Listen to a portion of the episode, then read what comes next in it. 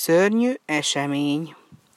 Ezek szerint, ha elmegyek a hegyi tóhoz, láthatom a mamát? kérdezte Taraó. A nagymama csak búsan ingatta a fejét, s könnyek gördültek végig az arcán.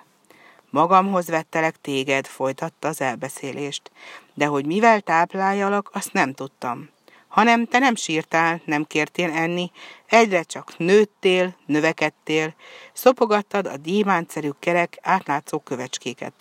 De aztán egy fél év múlva elfogyott a kövecske, és te elkezdtél sírni. Látszott, hogy enni akarsz. Akkor főztem neked köleskását, de te kiköpted, meg se kóstoltad. Sírtál, bömböltél, ahogy a torkodon kifért.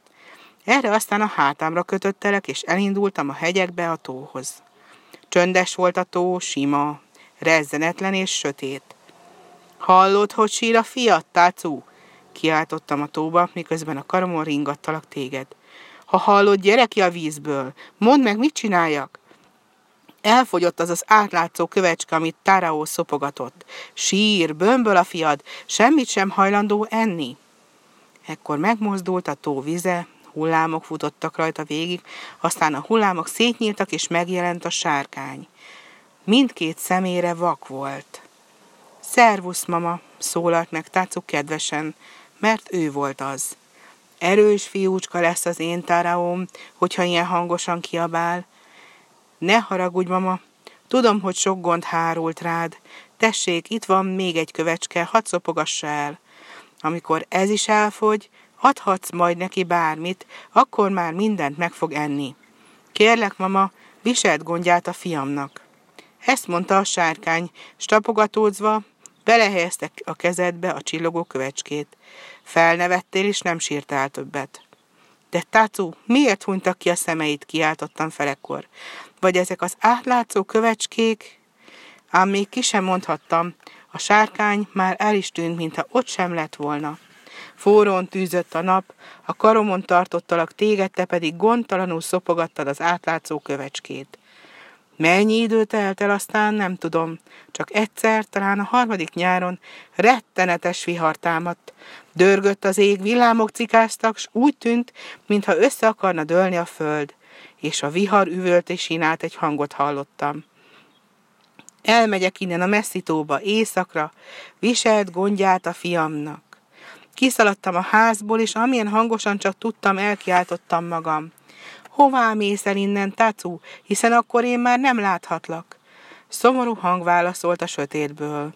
Ha majd Taraó... Folytasd, nagymama, folytasd, miért hallgattál el?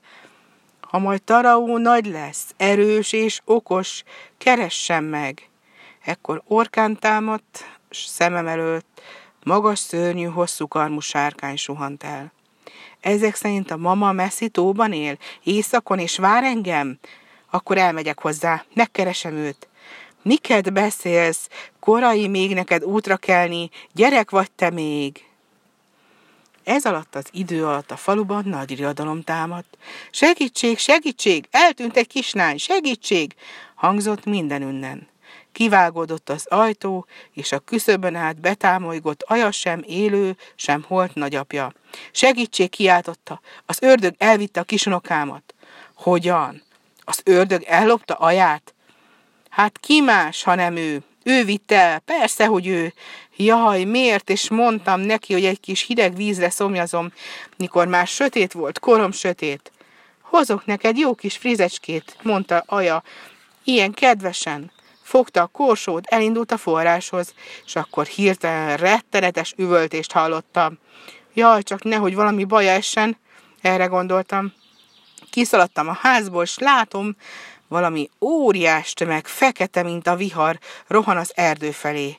Hát ki más lett volna, ha nem az ördög? Az apó feljajdult, aztán sírva fakadt. A forrásnál csak a felborult korsó maradt, kifolyt belőle a víz. Tarao összeszorított foggal, gyűlölködve nézett fel a sötét égre. Rettenetes, ami történt.